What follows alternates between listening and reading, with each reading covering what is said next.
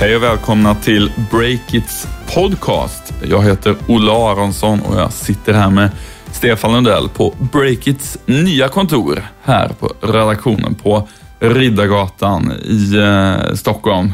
Stefan, hur känns det efter flytten? Det känns mycket bra. Vi har nu en egen stor lokal här tillsammans med vår, vårt utvecklingsbolag. Eh, Så det känns ju mycket bra att vi kan eh, jobba med dem i realtid mer än att ringa dem till och från. Du eh, som medgrundare av nyhetssajten Breakit och även av den här podden, hur kändes det att inte vara med i förra veckans avsnitt? Det känns jättebra. Det var nästan, för akta så att det blir en vana att inte vara med här och spela in då. Men jag tycker Jon Mauno Pettersson, vår, en av våra många stjärnreportrar här på Breakit, gjorde en väldigt bra insats. Så det var kul och spännande att höra hans eh, take på bland annat Spotify och så vidare. Det var omväxling förnöjer där, tycker jag. Vi har ju suttit där och stirrat på varandra och gjort den här podden nu ganska länge. Ja. Det, är, det är trevligt, jag tycker det är härligt att göra det. Men samtidigt så, det, man märker ju att man, man utmanar sig själv lite grann. Man ska liksom bolla med en ny person.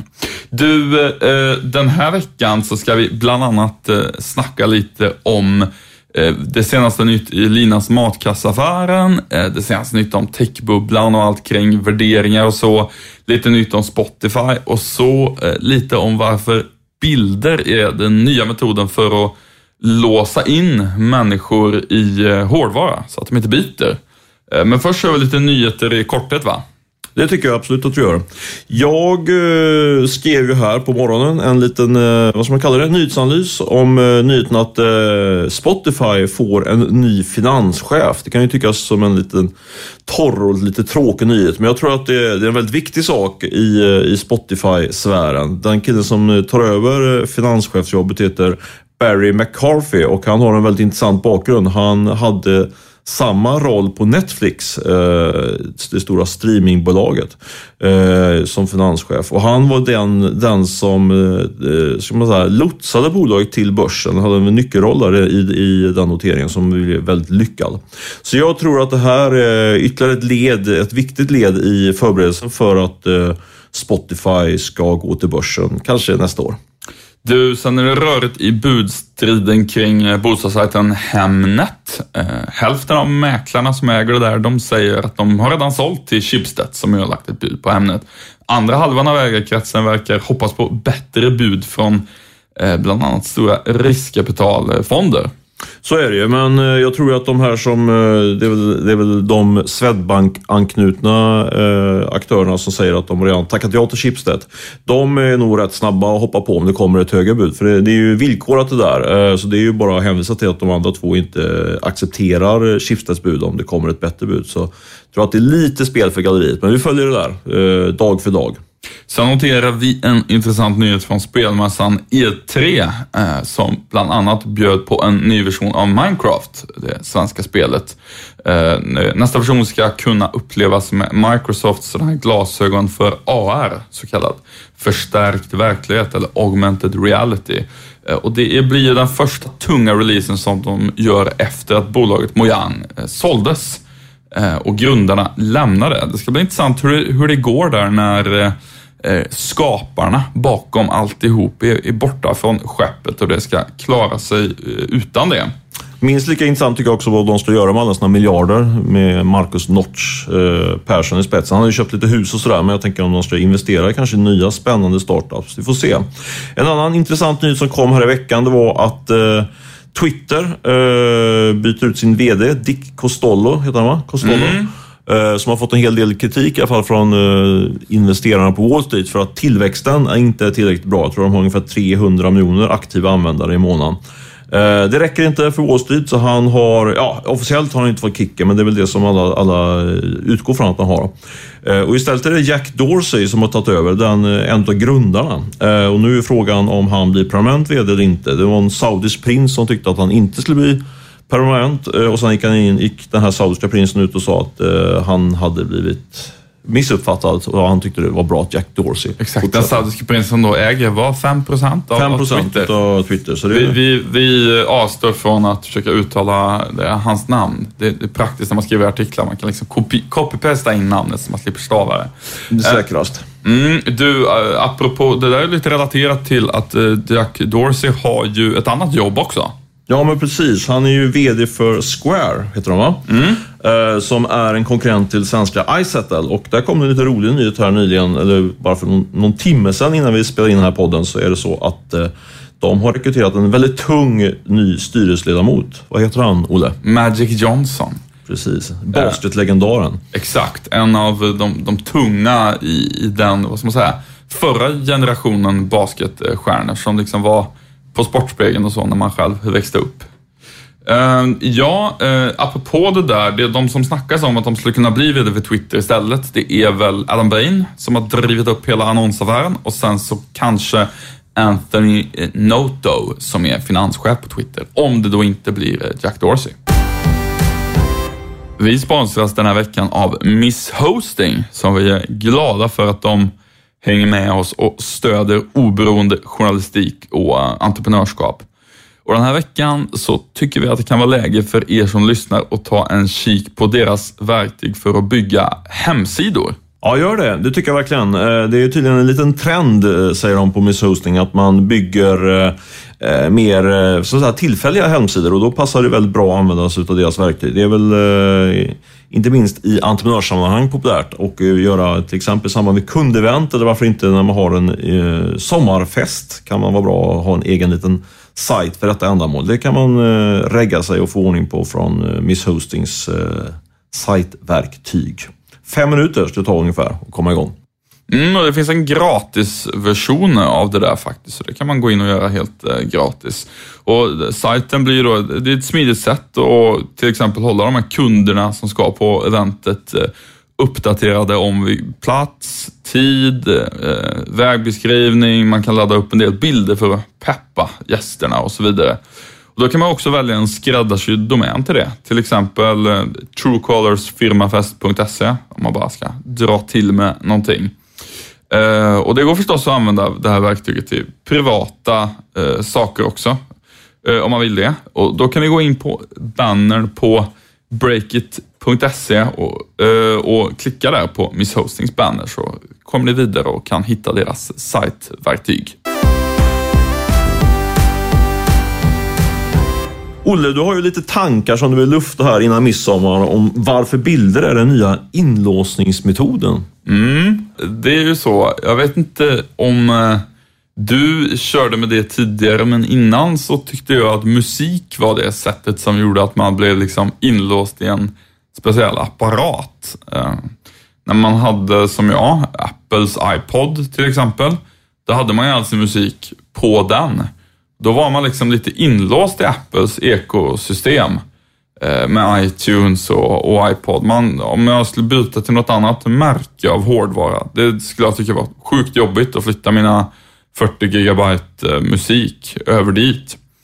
Och på så vis så höll ju Apple kvar mig där.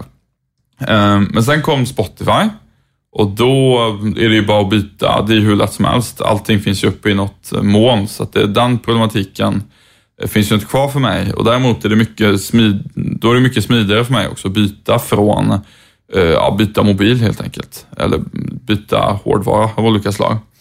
Och film är ju också samma grej. Folk har inte längre massa hårddiskar, eller en del har säkert det, men de flesta kör inte längre med hårddiskar fulla med film, utan eh, man, man streamar det någonstans ifrån. Så det kan man inte heller liksom låsa in folk i men nu kommer något nytt där man kan låsa in. Ja, precis. Jag noterar en, en trend där, att allt fler eh, blir, eh, använder det som eh, ett sätt att hålla kvar folk i ens ekosystem. Och då tänker jag ju till exempel på Google. Eh, jag, när jag läste nyheten för ett par veckor sedan om att Google släppte Google Photos med obegränsad lagringskapacitet, tänkte jag Ja, men det där bjuder väl de på för att folk ska liksom eh, lägga upp massa bilder där och så ska de kunna hämta informationen och bilderna för att få mer relevant eh, annonsering eh, ungefär. Det var väl det jag tänkte. Men jag har klurat lite mer på det där och sett lite mer tecken på det och jag tror att Google eh, gör sådär för att skapa ännu mer incitament för folk att ha Google Photos och liksom hålla kvar folk i Googles ekosystem på så vis. Eh, att man eh, inte liksom ska bli fast i Apples ekosystem eh, som man ju kanske blir om man har alla sina bilder hos Apple i Apple Photos. Eh, och, så, och Eh, för vad det där är, liksom, det är nästan enda grejen i varje fall för konsumentmarknaden som är jobbig att flytta eh, från en aktör till någon annan. Jag bara tänker, tänk dig själv liksom, om du skulle flytta alla dina bilder som du har i, i Apple Photos lagrade där. Liksom tanka över dem på någon hårddisk.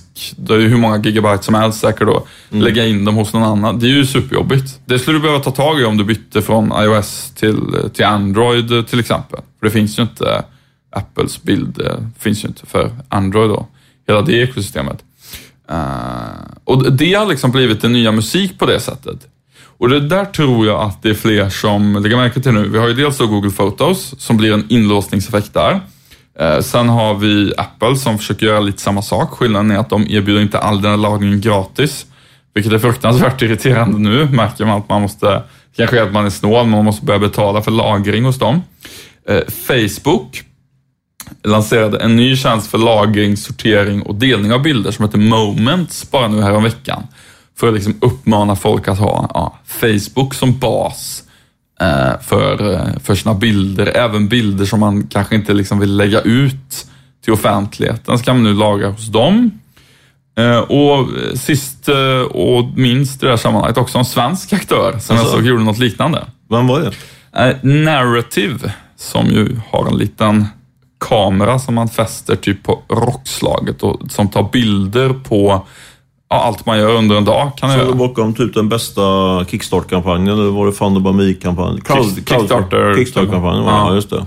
Då är det en massa pengar snabbt. Ja, otroligt snabbt. Det är väldigt, väldigt genomtänkt Kickstart-kampanj som gjorde att de kom igång med att de, de hade liksom förberett redan med marknadsföring och allt sånt där på ett uh, sätt som säkert är ett skolexempel på hur man ska hantera eh, gräsrotsfinansiering. Men de kommer med en ny tjänst nu? Så. Ja, men de kommer med en premiumtjänst som erbjuder, jag tror det var en terabyte. Det är väl tusen gigabyte, tror jag. Det kommer någon som kan det där bättre än mig, kanske skicka ett argt mail, men jag tror det är tusen gigabyte. Eh, gratis eh, lagring eh, med deras senaste produkt som man kan liksom betala för som en premiumtjänst. Och det får ju lite samma effekt. Att du kommer ju tycka att det är sjukt jobbigt att flytta så här 500 gigabyte foton från deras tjänst.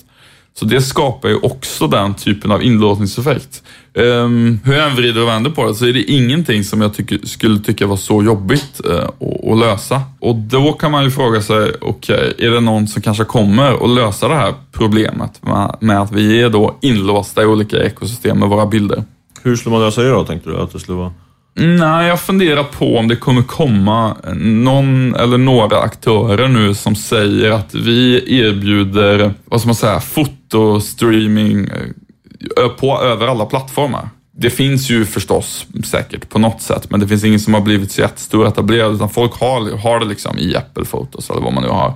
Eh, men appar som finns liksom tillgängliga, sammankopplade med alla ekosystem på något sätt, dit du bara kan slänga in alla dina bilder, från, oavsett om det är liksom Apple, och Google, och Facebook och Narrative och allt vad det är.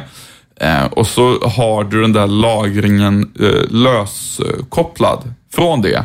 Och så kommer du åt dem var du än är oavsett liksom, om du byter från ett mobilmärke till, eller ett operativsystem till ett annat. Jag tror det kommer uppstå ett sånt behov i och med att bilder är så otroligt stor del av det sociala internet.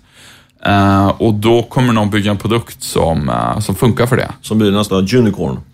Ja, nästa... Det är lite intressant då, för det känns som att om någon blir riktigt stor med det där, då är hela poängen är att man inte ska bli uppköpt av någon annan. Uh, som annars är sociala tjänster ofta blir av typ Facebook eller något sånt där.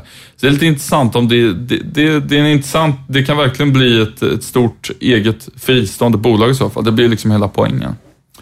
Eh, du, det, det där eh, är ju en intressant liten sån här infrastrukturkomponent spaning om det digitala näringslivet. Men eh, en annan ständigt återkommande snackis utöver socialt och bilder och sådär, det är ju techbubblan som inte minst är ett eh, nästan dagligt eh, diskussionsämne på vår sajt. Du eller, su på... eller superbubblan som de kallar ja. numera. Var kommer det begreppet ifrån? Superbubblan? Är det liksom man tröttnat på att säga techbubbla? Eller ja, det är så bra ord bara. Superbubblan. Det var killen på eh, Y Combinator som Just det, Y Combinator, grundaren, som ja. myntade det uttrycket. Du, eh, men du har snappat upp lite uppgifter som kan tyda på att en avkylning vad gäller den heta techmarknaden.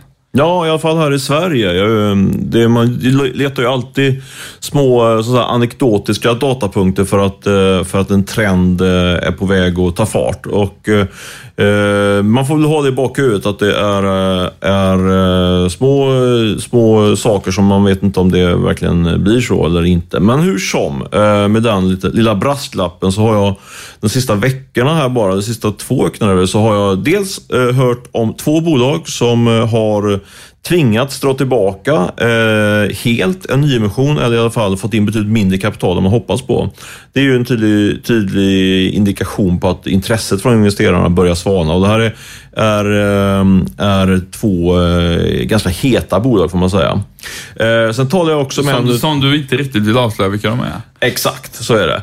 Eh, kanske senare på breakit.se. Ni får hålla ögonen och öronen öppna. Mest ögonen då kanske när ni läser på Breakit. Sen snackar jag med en utav, en utav de mer kända entreprenörerna här på, i Stockholm och eh, som håller på att ta in, gör en ganska stor eh, finansieringsrunda nu. Och eh, denna personen eh, sa till mig att eh, ja, det är bra intresse och sådär. Det brukar de alltid säga. Men la ändå till att, eh, Eh, att det var inte riktigt lika hett nu som, det var, som, man, som den här personen uppfattat det för ett par månader sedan. Så det är eh, bevismaterial nummer två eh, i min lilla tes här om, om en, en eh, stigande avkylning av den här techbubblan. Om nu en bubbla kyls av, jag vet inte. Eh, slutligen så, så har vi fått lite nya uppgifter kring Linas matkasse som vi har rapporterat löpande här under, under hela våren och nu in på sommaren. Linas matkasse är ju, är ju, har ju varit ute till salu och eh, nu borde ju typ den affären vara klar, men det är den inte. Nej, det där har ju liksom varit snack om ganska länge nu, sen du avslöjade att det var till salu. Det känns som att det varit turer fram och tillbaka, som att förhandlingen har pågått i, ja men, jag vet inte, tre månader snart. Mm. Och det är väl inget konstigt att det, det, borde, det borde varit klart nu ungefär kan man säga. Då, då hade det varit en helt normal process. Men nu känns det som att, eller känns det, de källorna jag pratar med säger att eh, processen inte är klar eh, och Eh, Eh, och att eh, de prisförväntningar som eh, de har från de nuvarande ägarna är, det är för högt upptrissat. Vi har rapporterat tidigare om att de vill ha uppåt en 700-800 miljoner kronor för det här bolaget, vilket ger väldigt höga vinstmultiplar. Så det är högst oklart om den, om den affären kommer att gå i mål. Det är väl någonting som vi kommer att rapportera mer om här i i, eh, på breakit.se håller på att jaga på de där nyheterna, eh, uppgifterna. Och om jag skulle kasta in en ren spekulation i det här fallet som jag inte har, någon, som jag inte har några källor på, så, så varför inte eh, låta Linas, istället för att sälja den utanför börsen, låt, eh, notera på börsen. Det är, därför där känns det som det fortfarande är ett väldigt bra noteringsklimat. Det kommer ju nya bolag i parti och minut till Stockholmsbörsen. Eh, och även när det gäller e-handelsbolag då. Vi har ju rapporterat om Royal Design som ska noteras och Footway som sätter den konvertibel. Så det är väl mitt lilla stalltips utan att eh, ha några källor på det. Att Lina Linas matkasse hamnar på börsen istället för att säljas utanför börsen. Vi får se om jag får rätt eller fel. Du, eh, eh, apropå när man går till börsen. Jag tänker då måste man eh, ragga på investerare så att de vill investera i ens bolag. Och du eh, bjöd ju in folk till att komma och inte ragga på dig som investerare, men att pitcha för dig. När ja. du var på Redeye småbolagsdag. Precis, Redeye, vi var ju sponsrade av Redeye eh, och nu får de en liten bonusspons här, eh, Redeye, för att jag nämner en gång till. Men i samband med, den, med det eventet så bjöd jag också in folk här via podden och, på sajten att komma helt enkelt och pitcha sina, sina bolag i bemärkelsen att jag skulle skriva om dem.